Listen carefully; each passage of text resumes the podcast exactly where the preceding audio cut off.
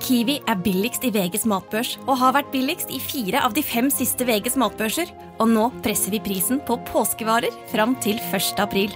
På 522 gram Toro pannekakemiks presser vi prisen fra 42,90 helt ned til 34,90. På 410 gram Lerum bringebærsyltetøy presser vi prisen fra 32,90 helt ned til 22,90. For det er vi som er prispresserne. Og vi i Kiwi gir oss aldri på pris. Og velkommen til Femihelse, en podkast om kvinnehelse fra A til Å. Og jeg heter Helene. Og jeg heter Sigrun. Og vi har startet denne podkasten fordi vi mener at det bør snakkes mye mer om kvinnehelse. Så la oss snakke. Hei. Hei. Hei, Sigrun. Takk for sist. Takk for sist. Altså, for en gangs skyld har du lært meg noe veldig nyttig. Jeg, jeg gjør det, Sigrun, Hver gang vi møtes, så lærer du noe om meg. Noe om deg? Det er sant, fordi du deler Du snakker jo bare om deg selv. Da. Du lærer noe nyttig av meg, sikkert. Klokskapens kilde. Ja, det har noe med alder å gjøre, vet du.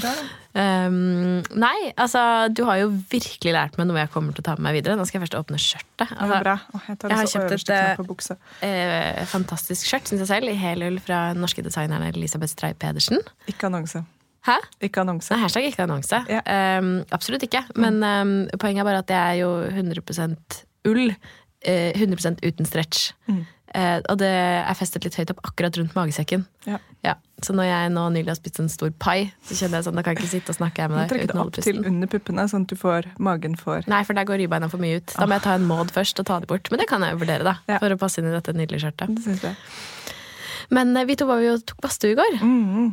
Det var veldig deilig. Ja. Og da lærte du meg noe fantastisk. Kan ikke du fortelle? Lær dette videre. Um, jeg lærte deg at det viktigste er å være glad i sin egen kropp uansett. Nei, det. Antall ribbein, tenker Ja. du på? Nei, det jeg lærte deg, er at når man bader, så I kaldt, kaldt vann. I iskaldt vann. Ikke ha henda under. Da har du evnen til å være mye lenger. Det er de kritiske hendene. Og så er det jo veldig mange badstuere som også har på seg eller isbadere er riktigere å si, som har på seg ullsokker. For det er på en måte hendene. Og lue. Og lue. Men luen er faktisk for å ikke bli for varm inne i badstuen. Hvis du har på deg våt ullue, eller ullue inne i badstue, så er det noe at du kan tåle varmen bedre, har jeg hørt. da. Jeg har aldri dykket ned i akkurat det feltet. Men hendene og føttene, hvis du holder de på en måte Over vann, begge to. over vann begge to Du får ikke bare dyppe du får jo ikke til det med føttene, så derfor Nei. har man ullsokker på de. Men å holde hendene på stigen eller over vann, så kan du være lengre med hele kroppen under vann. Så De første gangene så gikk du under og så med alt, og så så du du ble veldig jeg hendene over, og så så du sånn stygt på meg. Sånn, ikke kom med tips men jeg har det, mens jeg har det jævlig. Og så sa jeg noe sånn som ok, jeg skjønner at du ikke er mottagelig for dette akkurat nå, men neste gang kan du prøve å holde hendene over. Jeg måtte bestemme over. det selv. Ja, Du- fordi ja. jeg føler meg som en slags blanding av en gris som slaktes i midten av en orgasme. Altså man, man blir helt sånn Og jeg puster og peser og skriker veldig mye. Ja. Eh, Men så prøvde jeg det jo, og da var jeg jo helt rolig. Ja. Det, var helt, det var helt sprøtt. For plutselig så liksom pustet jeg i et vanlig tempo og liksom følte sånn Ja, her, dette klarer jeg. Ja. Så kanskje det er noen eh, nevrologer eller isbadeeksperter eller bare leger eller et eller annet som kan forklare hvorfor er det mange som opplever det som at det går bedre å være i kaldt vann lenge når man har hendene over. Ja, fordi det var mind-blowing. Ja. Så det var deilig å få delt det.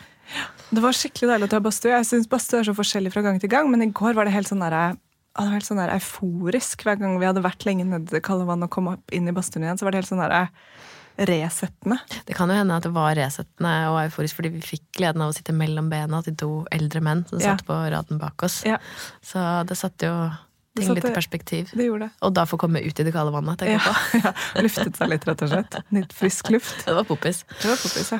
Mm. Men uh, du har ikke lært meg noe i dag ennå? Fortell, da. Ehm, visste du at eh, i dag er det snart Nei, jeg kan ikke. Jeg kommer til å lære deg noe i løpet av episoden. Ja, ok, greit. Ja. Ja. Du skal få en time på deg. Takk.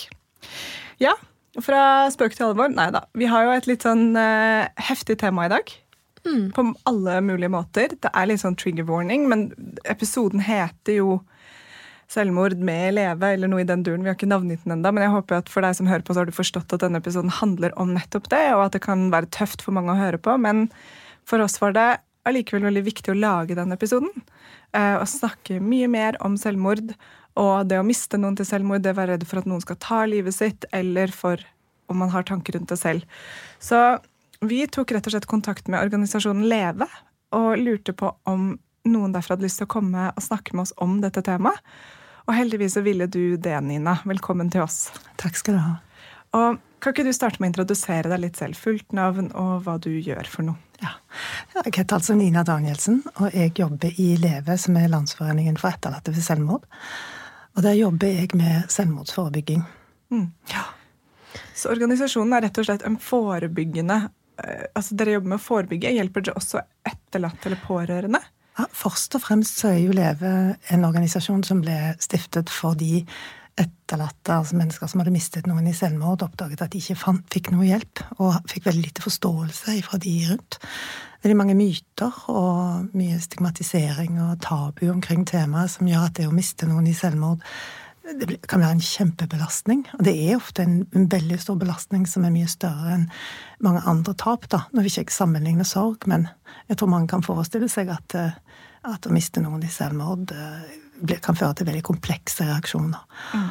Og for 20 år siden så var det ingen støtte i det hele tatt. Veldig lite åpenhet. Og det var da Leve ble startet av som en, som en medlemsorganisasjon. Mm. Og så, um, så de driver, altså vi driver uh, med sorgstøtte, rett og slett, og jobber for at flere skal få hjelp. Både ved å drive um, sorggrupper, uh, ved å fremme kompetanse innen dette og bidra inn i fagfeltet. Um, vi utdanner likepersoner, dvs. Si at um, hvis du kommer til oss som etterlatt, så kan du få treffe noen som har opplevd nesten det samme som deg, eller mista noen i en samme relasjon. Så da får du på en måte en større klangbunn for samtaler omkring det. Mange opplever jo at når de kontakter behandlere, så blir behandleren satt ut av problematikken, for det er så ekstremt. Um, og så i 2016 var det vel at organisasjonen begynte å tenke på at det er jo mye erfaring blant de etterlatte som kan bidra til å forebygge flere selvmord. Og da tok de det inn i vedtektene sine, så nå har da jeg begynt å jobbe med forebygging også, i kraft av de etterlatte stemmer. Og det innebærer jo også da å støtte pårørende til mennesker som sliter. Fordi regjeringen har jo en en, en nullselvmordsvisjon, eller ja. ja. jeg vet ikke om det er helt sånn man sier det, men en, en visjon om at ingen i Norge skal ta livet sitt. Ja. Mm. Um, hvor mange tar livet sitt i Norge i, hvert år? Ja, nå, det er mellom 600 og 700 hvert år. Mm. Det er jo en del mørketall der, dessverre. Uh, altså folk som dør plutselig som vi ikke vet. Vi kan ikke være sikre. Men uh, 650 hvert år. Og for hver av de så er det vi regner 60-10 etterlatte, men i disse tider med sosiale medier og, og, relasjoner som ofte går på tvers av landegrenser og sånn, så tenker vi at det tallet 60-10 etterlatte kan være mye større. For berømte mennesker så kan det jo være flere hundre tusen som blir berørt, og som kjenner på sorg når noen har tatt livet sitt. Altså, det er overraskende mange, må jeg si. Mm. 650 eh, er mange mennesker på ett år. Vet dere noe om hvem disse menneskene er? Er det noe statistikk på kjønn og alder og ja, altså, vi vet jo at eh, sånn i gjennomsnittet så er to tredjedeler av de menn. Uh, og det er mange tanker omkring hvorfor det kan ha seg. Um, men vi vet også at kvinner, flere kvinner behandles for selvmordsforsøk. Så det er ikke sikkert egentlig at, at menn lider mer enn kvinner. Men det er de som gjennomfører selvmord oftere, da, så det er flere av de som, som står i statistikken. Sånn rent um, tallmessig så er det flest eldre mennesker som tar livet sitt. Um, men de dør jo av andre årsaker òg. Så derfor så kan man si at den vanligste dødsårsaken for unge, det er selvmord, fordi de dør av veldig få andre årsaker, da. Så, um, så, men det påvirker altså mennesker i alle samfunnslag, uh, alle kjønn, uh, alle land, altså alle kulturbakgrunner, og det er på en måte ingen som um, er unntatt og alle kan bli berørt, da. Ja, Virkelig. Mm. Hva er, på en måte, Kan man si noe om de vanligste årsakene til et selvmord? Ja, Det er det veldig nærliggende å, å ville spekulere på. Vi vil jo gjerne forstå dette nesten ubegripelige fenomenet for de som står rundt. da. Um, og så er det sånn at um, det er ofte veldig sammensatte grunner. Ehm, komplekse, sammensatte grunner. Det er ofte flere ting som kommer oppå hverandre.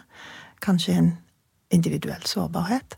Ehm, kanskje i noen tilfeller psykisk uhelse, altså rett og slett diagnostiserbar psykisk sykdom. Noen diagnoser har større selvmordsfare assosiert med seg. Og så har du motgang, som for noen mennesker kan ses på som Ja, det er jo alminnelig motgang, men hvis man er sårbar og man får mye av det på en gang, og kanskje opplever prestasjonspress eller manglende um, mestringsevne i livet, ikke sant? Um, at man kjenner på utenforskap, isolasjon, mobbing, økonomisk press, uh, samlivsbrudd. Listen er jo egentlig ganske uendelig mm. over de utfordrende vi kan oppleve, og hvor individuelt vår evne til å takle den motgangen er, da. Så det er en slags um, oppsamling av motstand som etter en stund kan oppleves som uh, uhåndterlig da, for et enkelt menneske. Mm. Vi, jeg har jo hørt liksom dette før, og jeg vet ikke om det stemmer engang, men at vi er den eneste arten som velger aktivt å avslutte livet vårt. Da. Og at det er jo, en, det er jo på alle mulige måter det mest dramatiske du kan gjøre. Selvfølgelig, Du kan jo ta livet av noen nær deg også, som er i kanskje samme kategori, men det å ta sitt eget liv er jo i hvert fall veldig eh, topp, topp opp på listen der. Um, er det skal, Vet man noe om hva som skjer i det øyeblikket eller det valget? De som overlever, hva, hvordan, måte, hva, hva forteller de om det? Vi, vi kan jo um, intervjuer med mennesker. I Leve så har vi en serie uh, med intervjuer med mennesker som har overlevd en livskrise. da. Og, og, de forteller veldig forskjellige ting, egentlig. Men det de ofte forteller om, er usikkerhet. Um, altså, de var ikke helt sikre. Um, men etter en stund, når de forble alene med selvmordstankene, så fremsto, så utviklet ideen seg. Og når de ser tilbake på det, så tenker de at at um, de skulle ha bedt om hjelp tidligere. Fordi det å være alene med de tankene, det gjorde de verre. Og at den usikkerheten, um, den er på en måte, Den trenger man ofte hjelp med. Uh, og det er derfor vi lever og jobber så veldig for åpenhet. da. Mm. Fordi det er mulig å være åpen om det som er vanskelig i livet, og hvis vi er åpne om det, så får vi hjelp tidligere, sånn at ikke ting får tid til å bygge seg opp og bli så, så, så uhåndterlig at døden fremstår som bedre enn livet. Vi merker at jeg syns liksom å bare prate om det nå er sånn åh, altså det er ubehagelig, ikke sant? Eller sånn det er vondt. Fordi det å høre om noen som har overlevd et selvmord, og fortelle om at jeg skulle, jeg skulle, bedt om hjelp før, og jeg er glad jeg overlevde, for nå er jeg her, er jo egentlig noe, kanskje noe av det vondeste å høre. Fordi mm, på en måte så kan man tenke at hvis noen du dør eller noen du er veldig glad i, dør, så er det kanskje for noen av oss en befrielse vite sånn, men det var ikke noe utvei. Ikke sant? Og det gjelder jo faktisk også kanskje noen som er suicidale, som har gått i behandling hele livet, hvor man virkelig har prøvd alt, hvor man har vært åpen om at personen er suicidal, og så til slutt så gikk det ikke allikevel. Så det fins jo Dette spekteret er jo enormt. Disse historiene er på mange måter de er ikke like unike som hver person, men, fordi de har noen fellestrekk, men det er helt unike historier der ute allikevel. Men det å høre sånn Men allikevel det er så viktig å snakke om det, fordi kanskje den tanken kan plante seg i noen som sitter og tenker på at de har lyst til å ta livet sitt, og så Men vent, da, jeg har jo hørt om noen som prøvde, men overlevde, og sa åh, jeg er så glad for at jeg ikke døde, og jeg er så glad for at jeg fikk hjelp, og at jeg skulle bedt om hjelp før. Så det er sånn der, veldig sånn, å, jeg kjenner meg sånn der, at jeg står liksom og vipper på en måte inni meg mellom å, jeg skulle ønske at bare, ja, men da, Det var ikke mulig å redde, det var ikke mulig å gjøre noe med. Så bare, jo, men det, det var jo kanskje det. Mm. Og det er i hvert fall um, Jeg har jo selv opplevd å miste en av mine aller beste venninner uh, som tok livet av seg. Faktisk, når vi slipper denne episoden 13. februar, så er det akkurat ti år siden hun døde. Um, Alexandra ble 27. Og vi hadde bodd sammen et par år, og så flyttet hun inn til en kjæreste. Og så, eh, en stund etterpå, så valgte hun da å ta livet av seg. Og den effekten hennes død hadde på hele venninnegjengen, og på alle rundt, og så, altså, selvfølgelig på familien hennes, men på en måte nå snakker jeg om de som ikke liksom var i familie med henne, men allikevel, da, fy søren, altså, det Det slo ned som en ordentlig bombe, og har nok preget alle av oss sånn, Det har endret livet til alle sammen. Og gjort at vi alle har kjent på en sorg som har gjort, laget en ny dybde i oss, på en måte. En, en ny sånn sorggrop som vi alle har vært nede i. Og for min del så endte det jo faktisk opp med um, at jeg fikk, etter to og et halvt år etter at hun døde, så gikk jeg Jeg hadde prøvd flere ganger å gå i terapi, men jeg følte ikke at jeg greide å få snakket det ut. Det satte seg sånn fast. Det ble så komplisert å snakke om det. At jeg til slutt fikk diagnosen at, altså depressiv, men, og at jeg holdt på å utvikle PTSD. da. For jeg våknet hver natt med mareritt og hylte om natten og gråt, og ingenting hjalp. Altså. Men så fikk jeg ordentlig hjelp, da. Så fikk jeg den hjelpen jeg trengte. Um, og ble frisk, og kom meg liksom gjennom det.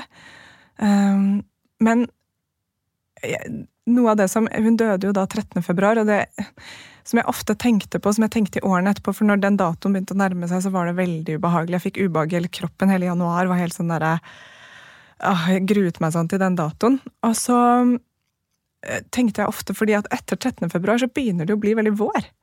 Og plutselig, sånn en måned senere, så er det liksom kanskje hestehov dukker opp, og solen varmer ordentlig.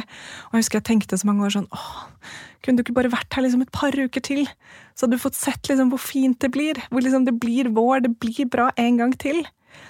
Men så har jeg også lest statistikk at de fleste selvmordene skjer i mai. Så det, er bare en litt sånn lettelse. sånn, huh, Ok. Så hadde hun overlevd gjennom på en måte vinteren og det der slapset som er her ute nå, så er det ikke sikkert at det hadde liksom reddet henne, da. Men en ting jeg har um, Jeg har kommet um, Jeg har um, Eller jeg brukte mange år på å lande i at jeg ikke kunne gjort noe. At jeg ikke liksom, For eksempel så har det plaget meg veldig at et par uker før, eller en uke før, så ringte hun meg. Og så tok jeg den ikke, og så fikk jeg aldri ringt henne opp. Og det har jo selvfølgelig vært en sånn Å, hun hadde ikke vært død i dag hvis jeg bare hadde ringt henne. Noe som mest sannsynlig ikke stemmer. Um, eller det stemmer ikke. Men det jeg har tenkt mye på, er at det var hennes valg, og det må jeg liksom akseptere. Og det har vært en veldig sånn, det har vært en lang prosess, da. Men det Hvis jeg på en måte hadde Hun var lei seg den vinteren, men jeg skjønte ikke hvor lei seg. Men hadde jeg visst det jeg vet nå, så hadde jeg nok spurt er du suicidal. Har du noen gang tenkt på å ta livet ditt? Er det noe som er i, ditt, i dine tanker? Og det har jeg begynt å gjøre aktivt med folk rundt meg som går gjennom depresjoner. For det gjør veldig mange i, i, ulike perioder i livet. Om det er etter at man har fått barn, eller samlivsbrudd, eller økonomiske situasjoner, eller bare livet som treffer deg, så spør jeg sånn Men er du suicidal, da? Og så, skvetter de og blir sånn Nei! Nei, hvorfor spør du om det? Nei, for jeg vil bare vite. For hvis du er det, så må vi snakke om det. Det er, helt, det er faktisk helt ok om du er det, fordi det er, det er, en tanke som kanskje går gjennom alle menneskers hode en eller annen gang i løpet av livet, men jeg vil bare vite om du vurderer det. For hvis du vurderer det, så er det også helt lov. Det er, det er, ditt, ditt, det er ditt liv, du får lov til å vurdere det, men da har jeg lyst til å prøve å hjelpe deg til å avvurdere det. Og jeg husker jeg snakket med en god venn av meg som jobbet på en institusjon med psykisk syke, og han sa at når han fikk vite at noen, når de sa at de var suicidale eller ville ta livet sitt, sa han sånn Det respekterer jeg. Det er ditt liv. Det, det får være lov. Det får være greit.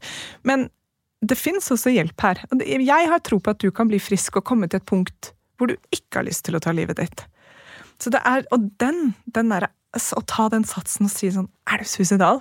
Det var en sånn game changer for meg. Virkelig. Og den som innførte det i mitt liv, var da jeg gikk til behandling og fikk hjelp, så spurte psykologen meg er du suicidal.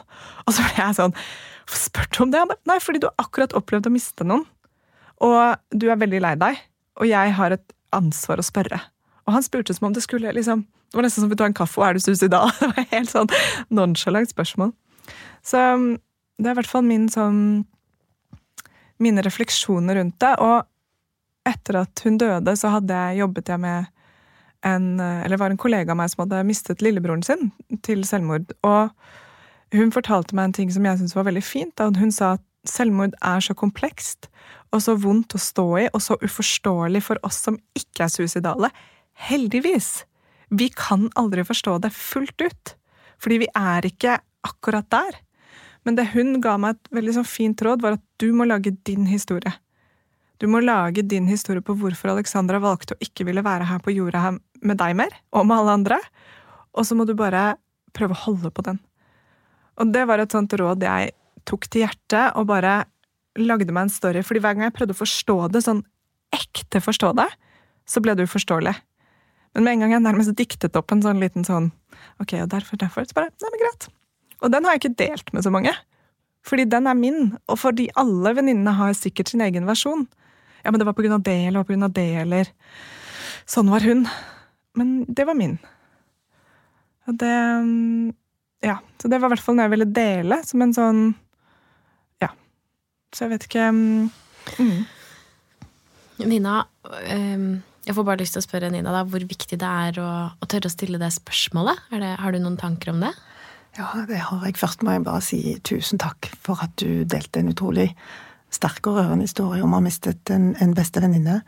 Um, når vi deler sånne historier, så får vi en forståelse av akkurat hvor lammende uh, den sorgen kan være, og hvor vanskelig det kan være å stå i det.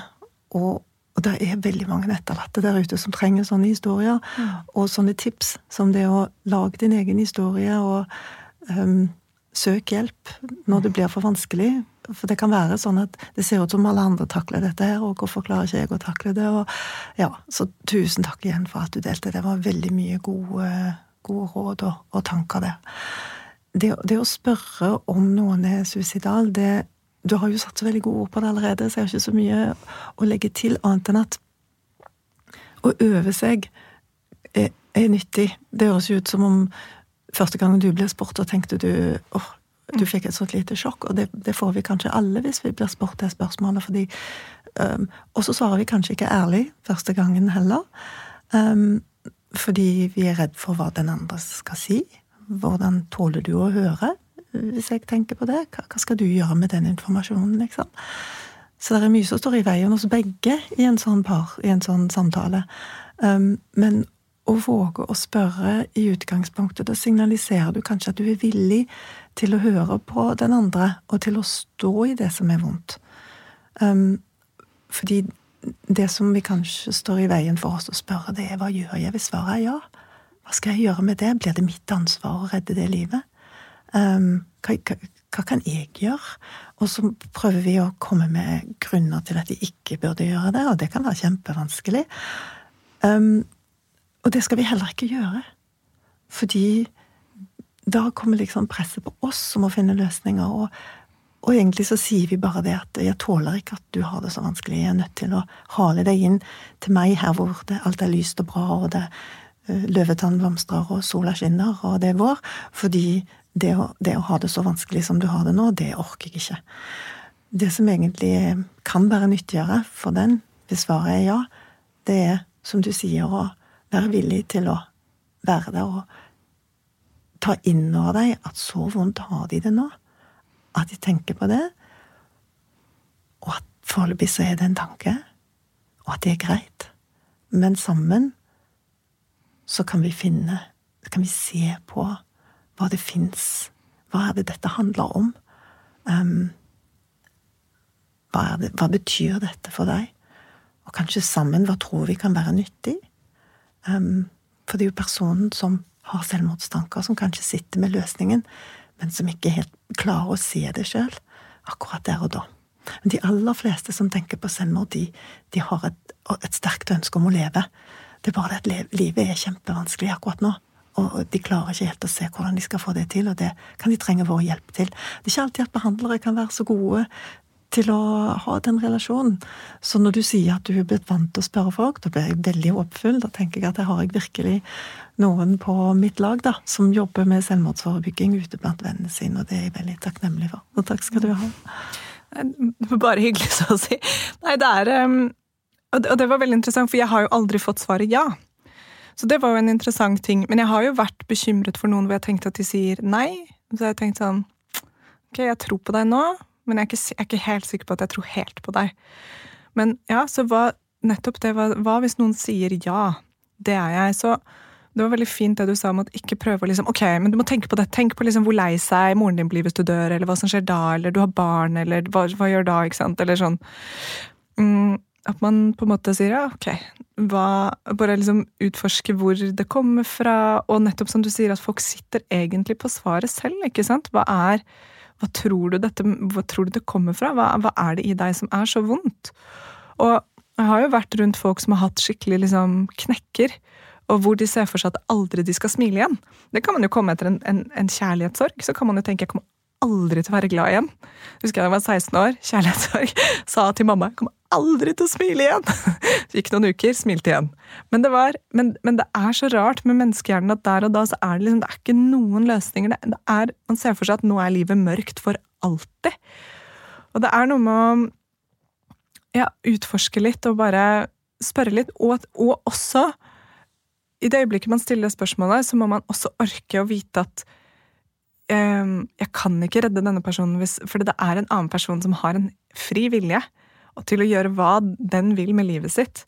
Så du er ikke ansvarlig. Men jeg, jeg, vet, jeg vet, ikke, for jeg bank i bordet heldigvis ikke opplevd dette, og jeg håper jeg aldri må oppleve det, men jeg ville heller ha spurt noen, og så miste dem, enn å aldri ha spurt, og så miste dem. Sånn at jeg tror på en måte den, den risikoen er jeg i hvert fall villig til å ta, da. Og så heller ikke greie å redde enn å vite at fader, jeg skulle jo spurt, liksom. Kanskje det kunne ført til en åpen samtale. Og så mener jeg også, etter hvert, når øh, man har kommet kanskje litt i gang i dialog med den som har uttrykt, eller har sagt ja, jeg, jeg tror kanskje jeg tenker litt på å mitt, så er det også lov til å sladre og involvere noen enkelte andre nære personer. Og, ikke, og, og selvfølgelig liksom ha sånn ok, denne personen har det vondt, så jeg foreslår har du lyst til å invitere ut på en kaffe eller gå en tur. Jeg bare sier fra. Og det å fordele ansvaret litt på flere mennesker. Og da mener jeg også at man har en, en lojalitet mot den personen som har sagt at de er suicidal, så man trenger ikke å si det videre, men si at jeg opplever at denne personen har det skikkelig dritt denne vinteren. Kan vi ikke være litt på? Kan vi ikke sende litt meldinger? Kan vi ikke liksom Fordi det er ikke noe hyggelig å føle at man står helt alene med det ansvaret. Og spesielt i Norge, som ikke har et effektivt, raskt psykisk tilbud. Det er ikke bare å trykke på en knapp, og så får du time hos psykolog hvis du ikke har penger til det. Dessverre. Men selvfølgelig så går det jo an da at neste steg blir å gå til fastlegen og få en henvisning, og så stå litt i kø og, hvis, ja, og håpe at du kommer til noen som kan hjelpe. Men det er viktig med å bruke nettverket, mener jeg, da, og liksom involvere folk. Jeg tror alt, alt det du nevner, er viktig. Jeg tror det er viktig å koble, koble alltid på fastlegen. Få, få fastlegen inn, få, få, vedkommende Fastlegen kan være en kjemperessurs. Eh, både når det gjelder å være en god samtalepartner, sortere tankene og se på hva det finnes av lavterskeltilbud, og litt mer på langsikttilbud. For det kommer jo veldig mye an på hva det er som forårsaker selvmordstankene. Ja. ikke sant? Så, um, og så tenker jeg også Jeg pleier å tenke på mennesker som opplever selvmordstanker som at de, de trenger oss i verktøykassa si. Og de trenger mange ting i den verktøykassa. Der trenger de kanskje eh, et, et nummer til en krise telefon, en hjelpetelefon som de liker. De trenger nødetatene 113 hvis det er virkelig krise. Det er bedre å ringe en gang for mye enn en gang for lite. Eh, de trenger å vite om eh, rask psykisk helsehjelp i kommunen, eh, ungdomstelefoner, helsestasjoner, naboen, presten Liksom det er så individuelt hva folk syns er nyttig. Venner. Ikke sant? Flere venner som de gjør forskjellige ting med. Fordi, som du sier, hvis du er den eneste som vet at vedkommende har selvmordstanker, det er ikke en bra situasjon. Hvis noe da skulle skje, så sitter du igjen med følelsen av at du burde Så kan du bli sittende igjen med følelsen av at du burde gjort mer. Mm. ikke sant? Så det er faktisk viktig, veldig viktig, som en del av det, å, å, ha den samtalen og være villig til å koble på andre mennesker. Men det som kan være godt, er å ta den personen som har selvmordstanker, med i den samtalen. Hvem tenker du vi kan koble på nå? Jeg foreslår at vi kobler på fastlegen din, så har vi liksom gjort det. Så står du i kø til en psykolog. I tilfelle du vil ha det, så gjør vi det snarere enn å utsette det. Og så i tillegg, hva annet kan vi gjøre? Planlegger vi noe fremover? Er det noen som kan hjelpe hvilke problemer er det vi har her, og hva ser vi for oss? Ta det som en samtale, så får du vedkommende med, så slipper du å hva var det du sa, snitche eller eh, ja. sladre. ikke ja. sant? Du slipper følelsen av at du går bak ryggen på vedkommende. For det at den åpenheten den kan bidra til bedre samtaler og til bedre relasjoner, tenker jeg. Så fint, og bra at du har mye mer positivt syn på det offentlige eller tilbudet i Norge enn det jeg har. Vi hører jo kanskje litt mange av de historiene hvor hjelpen tar så lang tid. Ja, og så hører vi ikke de hvor det virker. Nei, det er, helt mange, enig. Så jeg trekker den tilbake. Og, si, og jeg elsker jo min fastlege, hun er jo titt ofte på besøk her, Elisabeth Kjørdahl, så jeg vet jo hvor godt eller eh, bra en god fastlege kan være. Um, og har man penger til det, så mener jeg også det å investere i en god privatpsykolog. Men det er selvfølgelig et skille mellom de som har og ikke har, og bla, bla, bla. Men um, ja. er veldig fint. Kan jeg få lov å gi et lite tips? Ja. Hvis du går til fastlegen, og du blir satt på um, Du får henvisning til en psykolog, um, og så får du gjerne en lang liste. Eh, I Oslo tror jeg det er 128 psykologer med kommunal avtale. Hvor begynner du på A, og så er det kø, og så håndterer de ikke det, du, den utfordringen du har, og, ikke sant? og så kanskje når du allerede er psykisk nedbrutt, så, så er det vanskelig å jobbe seg gjennom den listen. Helse Norge har en telefon, eh, så det går an å hjelpe. Og bare si at du trenger hjelp med å velge en behandler. Så har de full oversikt over hvem som er i nærheten, hvem som håndterer din type utfordring, og hvem som har kort venteliste. Så ring Helse Norge. Hurra! Oi, det var et Det var et superbra godt tips. tips. Ja, det elsket jeg. Så fantastisk. Ja. Mm. Um, nei, jeg blir også, får også veldig lyst til at vi skal snakke litt om um, den andre siden av det. For én ting er jo uh, når man møter noen som selv vurderer å ta livet sitt, men uh, om vi også kan snakke litt om hvordan eh, jeg og vi som pårørende til, til noen som har opplevd å miste noen, kan møte de på, på best mulig måte. Det er egentlig et spørsmål til dere begge. Hvordan kan man kanskje åpne opp for den samtalen? Ja, det er jo vanskelig å vite om personen ønsker å snakke om det. Hva er på en måte en god Hvordan kan man være en, en, ja, en god venn eller kollega eller familiemedlem i en sånn situasjon? Først må jeg bare si at alle sørger forskjellig. Det er veldig veldig personlig og individuelt, og etter et selvmord så, så blir det ofte veldig sterke reaksjoner. Og, og vi går ofte rundt og grubler eh, på hver vår måte, og vi blir så desperate, på en måte. Og noen ganger kan vi bli helt lammet og helt nummen, så vi ikke kjenner noen ting, så vi fremstår som helt logiske og rasjonelle når vi egentlig ikke aner hva som foregår, og vi klarer ikke å tenke et minutt inn i, inn i fremtiden. Så, så det er veldig, veldig personlig og individuelt. Um, det verste man kan gjøre, er kanskje å unngå vedkommende. Um, vi hører jo historier om folk som krysser gata for å unngå få lov å slippe å treffe noen som har mistet noen i selvmord, for de blir så satt ut av, av at de, vet ikke hva de skal gjøre. Ikke sant? Um, jeg tror du spør hva kan man gjøre? Jeg tror det er fint å spørre, jeg. Hva kan jeg gjøre? Um, mange etterlyser praktisk hjelp, fordi de blir så satt ut. Mange etterlyser noen å få lov å fortelle den samme historien til 50 ganger uten at de blir lei. Um, mange etterlyser mer tålmodighet med sorgen. Um, fordi det kan ta veldig lang tid for de som står rundt. Og det å få høre 'er du ikke ferdig med det ennå', det er veldig sårende. Da blir man enda mer ensom, ikke sant, med det som er vondt. Jeg vet ikke, hva tenker du? Jeg er helt enig. Jeg, tenker, jeg har sånn to konkrete tips som kom veldig tydelig opp for meg. Da, men det var at mm, en av en eller annen grunn, det gjør det i meg og trigger når noen sier at noen tok livet av seg, så er det veldig sånn Hvordan da? Det er kanskje en sånn nysgjerrighet som kommer sånn Man vil kanskje lage seg et bilde av hvordan det skjedde, forstå brutaliteten. Var det sånn? Nei, guri. Og det, å for, måtte gjenfortelle det mange ganger, det føles veldig, eller For meg føltes det veldig sånn der, Se og Hør-aktig. Jeg følte ikke noe omsorg i det. Jeg følte bare sånn graving. Selv om jeg forstår at instinktivt så får man veldig lyst til å spørre. Hvis noen sier liksom, 'venninnen min døde, hun ble påkjørt av en buss', så er det liksom, det er avklart. ikke sant? Men når noen sier ja, hun, hun tok livet sitt, så blir det veldig sånn 'hvordan'?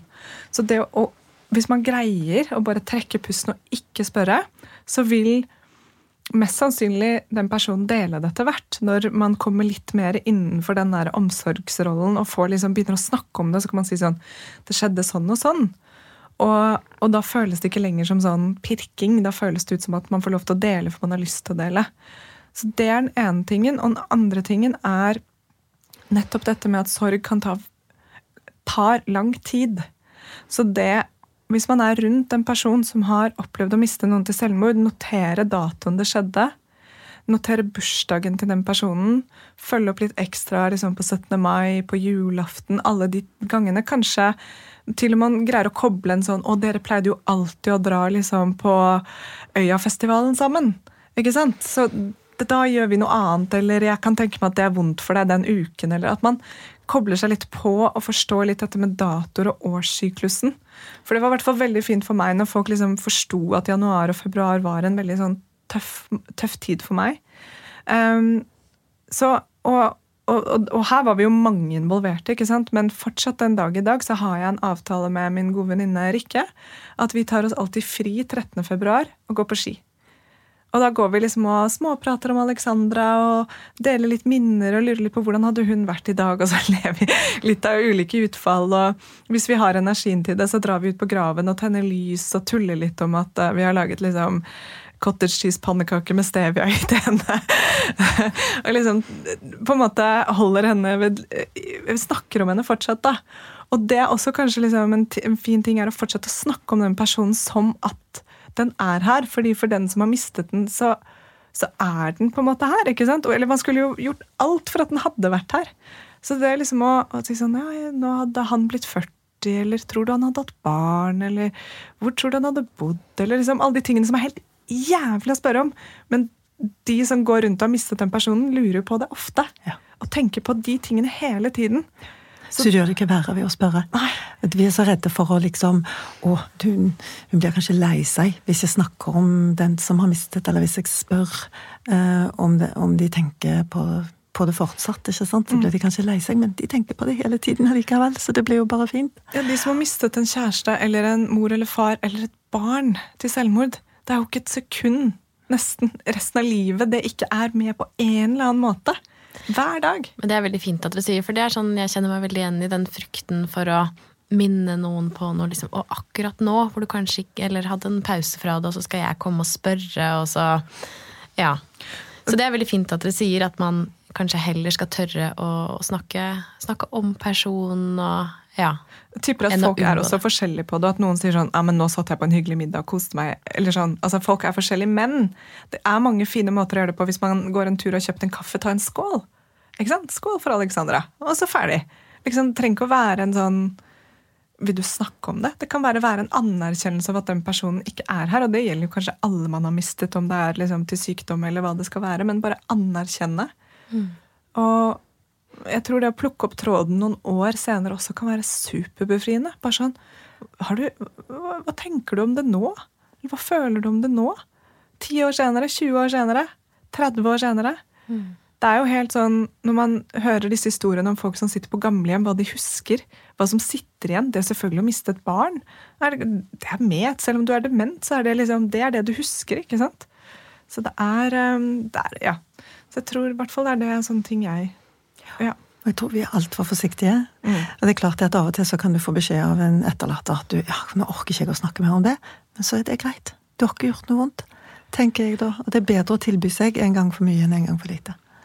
Pluss at du da har åpnet opp døra, sånn at da går den personen til Sigrun neste gang. Nettopp. Og sier sånn Shit, det var skikkelig fint at du spurte på den middagen. Jeg bare jeg bare prøvde å drikke sjampis og kose meg, men jeg har skikkelig lyst til å prate litt om han nå. Er det, er det good? Men kan vi ta en prat? Mm. Nå hadde han blitt 35, eller liksom Ja. Så um, jeg tror egentlig liksom ja, Det å være redd for å gjøre feil, det, det, kan man gjøre, men det går også an å be om unnskyldning. ikke sant? Man kan reparere mye med det sånn. Hvis man glemmer en bursdag eller glemmer noe sånt, noe, så bare Du, var det ikke sånn at liksom, sønnen din egentlig hadde bursdag for noen uh, dager siden, eller glemte det? Liksom Beklager, men ja. Og tilby seg å være med på graven. Og, og plante litt hyggelige blomster og tenne litt lys. og Kanskje ta med liksom en liten flaske vin og jeg vet ikke, bare whatever som bare føles riktig i deres relasjon. da. Perfekt. Ja. Dette er veldig gode tips, tenker jeg. Mm. Både for de som har mista i selvmord, men folk som har mista andre mennesker òg. Det mm. å, å, minnes de videre og la de få leve videre i, i, minnene våre og huske på gode ting. og De har jo ofte hatt gode liv, og vi har hatt gode historier sammen, så vi kan minne sammen. da. Ja. Det tror jeg er veldig viktig. Ja. Og med selvmord så er det liksom kanskje den største Det største liksom mørket man må gjennom, er nettopp det at det kunne vært unngått. Og det er så jævlig vondt, da. For det er og, og den, Hvis man greier å komme til den aksepten at den personen hadde ikke lyst til å være her. Det er kjempetrist. Jeg har lyst til å være her. Den personen hadde ikke det. Men jeg har. Vi har. Det er deilig. Det er fint. Og så på en måte prøve å lande i det. Men det er, det er ekstremt vanskelig. Jeg tror man må snakke mye om det. Og få snakket mye. Og, og det og jeg tror kanskje også hvis noen sier sånn Ja, men jeg kunne ha reddet han eller henne. Så bare Ja, det kunne du kanskje. Men, men du, du hadde, fikk ikke muligheten. Kanskje ikke òg. Og kanskje ikke. Men, men det, og det å stå liksom helt sånn bastant og si nei, du kunne aldri ha reddet Bare jo, du kunne jo det. Hvis du hadde tatt personen og spent den fast og liksom gitt den evig kjærlighet. altså sånn, Du kunne, men du kan ikke allikevel. Det er det som er. Du kan ikke. Men, ja, så det er det som er det vonde og vanskelige oppi dette. At du kan, du kan ikke. Må lande og la, la personen som går gjennom det, bare få snakke om det mange ganger. Hundrevis av ganger om det trengs. Absolutt. Og så tror jeg det er kjempeviktig for etterlatte også å anerkjenne behovet for profesjonell hjelp. Og gjøre det ordentlig, selv om det er 20 år siden det skjedde, eller tre dager siden. Og oppsøke hjelp. Mm. Og Der er det veldig varierende hva som finnes rundt omkring i Norges langstrakte land. Mm. Uh, og så søke hjelp. Prøv alt som tilbys deg, vil jeg si. For det er ikke alltid at vi vet um, hva sorg er. Når det slår oss. Og så tenker vi kanskje at det er ikke noe de kan gjøre for å få tilbake den personen de har mista. Så dette, denne sorgen, det, er ikke noe noen kan gjøre med det. Og vi forstår også veldig lite på prosessene som ligger bak, og grubleriene som kan oppstå, og hvor nyttig det faktisk kan være å sette ord på de følelsene vi har. Um, mange tror at det gjør det verre. Uh, å sette fokus på sorgen gjør sorgen større. Det gjør jo ikke det.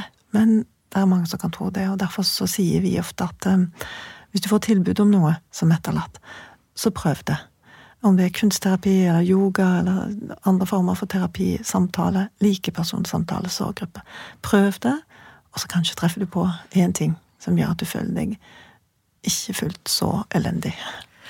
Fordi det som er veldig fint med det du sa i sted om folk som opplever suicidale tanker, og også de som er etterlatte eller pårørende, nettopp det å ha et, en større verktøykasse kan være veldig viktig, fordi Ok, Dette er en liten digresjon, men jeg leste en forskning, eller jeg leste en artikkel i New York Times om at de, de kalte noe sånn uh, The Stranger the, Jeg husker ikke hva det var, men at veldig mange de hadde forsket på og rapportert eller, på at mange kunne føle en sterkere connection med en helt fremmed enn med kjæresten sin. At de kunne føle at liksom, de sitter på T-banen med noen, og så kommer man i en samtale og så deler man ting man aldri hadde delt med liksom, kjæresten sin, og føler bare sånn Wow, for en dyp samtale!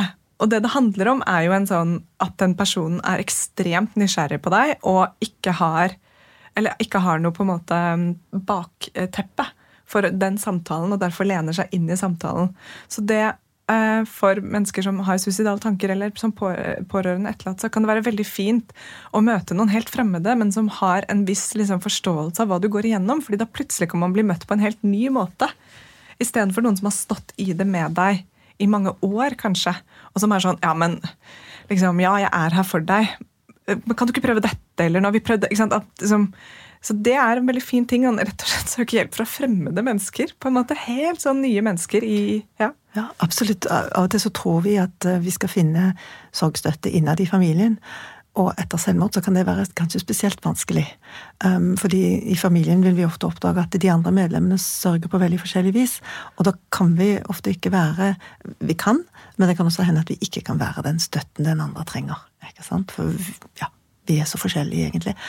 Og nettopp derfor kommer jo dette med likepersonstilbudet inn, da. Der Leve har likepersoner i fylkeslag rundt omkring i landet som er, har selv vært igjennom en sorg og har fått kurs i å være en likeperson som kan ta imot en samtale og bare sitte og lytte og være en klangbunn, kanskje, for noens personlige opplevelse. Og kan, for mange så er det veldig betydningsfullt i en sorgprosess. Og Det er derfor jeg mener den åpenheten rundt det. da, og bare som du sa For 20 år siden så fantes ikke Leve. og det er på en måte liksom, det er jo ikke mange eller det er én generasjon siden det var kjempetabu at noen tok livet av seg. Det ble maskert, det ble liksom fortalt som noe annet. En ulykke. ikke sant? Så bare, Vent litt, da. Det var ikke en ulykke. Dette her var et bevisst valg. Mens det å være åpen om det gjør også at du kan plutselig møte noen som går igjennom det samme. Så det å tørre å kanskje si liksom høyt når du møter noen at men jeg er veldig redd for kjæresten min fordi han har suicidale tanker, eller har akkurat opplevd å miste noen, eller mistet noen for 20 år siden, så møter du Man møter jo garantert på noen som er sånn Jeg òg. Mm. Og da har man ja, Det er i hvert fall en liten digresjon, men det, jeg mener at det er viktig å si det høyt. For det er så mange der ute som, som har opplevd det på en eller annen måte. Det er det. Mm. Kan jeg få lov å si en liten kommentar til det du sa om å velge selvmord? Ja. Fordi at uh, der er etter hvert ganske forskjellige, eller mennesker generelt sett diskuterer dette ordet med valg. Ja. Er det et valg? Um, hvis du ser det altså fra det nettartes perspektiv, så kan det være fint å tenke på valg. Uh, ja, vedkommende valgte, det var ikke noe jeg hadde innflytelse på. De er jo frie mennesker. Men samtidig så, fra den som tok livet sitt, så var det kanskje Hadde de kanskje ikke noe annet valg, mm. gitt den sånn som de opplevde virkeligheten sin akkurat der og da. Um, så derfor så sier vi av og til at valg og valg, det var noe som skjedde. Det var noe som de gjorde. Liksom. Men det å bruke valg, ordet valg kan være litt sånn kontroversielt. Ja, det er veldig fint at du sier, fordi jeg har, jeg tenkte litt på det før episoden når man sier døde av selvmord, begikk selvmord, selvdrap eller sånn. Jeg var litt usikker på nettopp liksom, hvordan sier vi dette. Men jeg, jeg, det resonnerer veldig med meg at det er jo ikke et valg. Der og da så føles det jo ikke som noe annet. Du har ikke et valg. Fordi det er ikke som et valg. Å ja, men jeg fortsetter å leve og bare har det kjempebra. Det er, det, er et, det eneste du føler at du kan gjøre, er å dø. Mm. Selv om det, man kan jo også si at um, vedkommende klarer ikke å se andre muligheter akkurat der og da. Mm. mm. Men med hjelp så kan de oppdage andre mm. muligheter. ikke sant? Så, mm. ja. Mm. Nei, det er veldig fint at du sa. Jeg er enig i det. Bra. Så bra. Er det noe mer dere har lyst til å snakke om før vi begynner å runde av? Å, det er så mye jeg har lyst til å si. Ja. Kan ikke du i hvert fall si hvor man finner dere, og ja, og hvem, ja. hvem, Leve er for? Hvem som kan ta kontakt med dere? Altså, absolutt alle kan jo ta kontakt. Vi har fylkeslag over hele landet eh, med lokale tilbud. Eh, både for etterlatte, men så har vi også eh, ambassadører som går ut og snakker om temaet. Til de som ønsker å forstå mer. Eh, så prøver vi å jobbe med pårørende også, for at de skal få hjelp og støtte så vi samarbeider med andre organisasjoner. Men hvis du har mer informasjon, så er det jo bare å gå til nettsidene våre, leve.no, enkelt nok. Og, og der ehm, Ja, det kommer jo an på hvem du er, og hva du trenger. Men ehm, vi er veldig opptatt av åpenhet, og at Jeg er veldig glad for at du tok opp dette temaet på, på podkasten Hvem i helse, for det det er mange der ute som er berørt av den tematikken, som trenger at vi snakker litt mer åpent om dette. Mm. Og i teksten, som du kan se på Spotify eller iTunes, eller hvor du, hvor du ser på, eller hører på denne podkasten, så står det kontaktinformasjon til ulike hjelpenumre hvis du føler at du trenger å prate med noen akkurat nå. Uh, og så håper vi at uh, denne episoden kanskje kan åpne opp for noen samtaler som man har gruet seg litt til å ta, eller tenkte at man ikke skulle ta. Om man faktisk tar den lille kaffen eller det lille spørsmålet som sitter langt inne. Det hadde vært uh, det hadde vært veldig fint, tenker jeg. Så ja. Tusen takk, begge to, denne gangen, har jeg lyst til å si. Takk eh, til deg, Nina. Tusen takk. Og takk eh, til deg, Helene, som deler så fint. Mm. Takk. Vi snakkes. Det gjør vi. Ha det. Ha det. Tusen takk for at du hørte på podkasten vår. Selv om det forhåpentligvis kommer tydelig frem, så vil vi understreke at vi ikke er helsepersonell. Ja, så Som vanlig, kontakt legen din om du har noen spørsmål, eller om du skal begynne på noen form for behandling. Og Har du et tema som du har lyst til at vi skal snakke om, eller noe ris eller ros, så send oss gjerne en melding på Facebook eller på Instagram. Der finner du oss under Femihelse. Mm. Og du kan gjerne rate oss på iTunes, det er skikkelig hyggelig for oss. Ha en fin dag. Ha en kjempefin dag.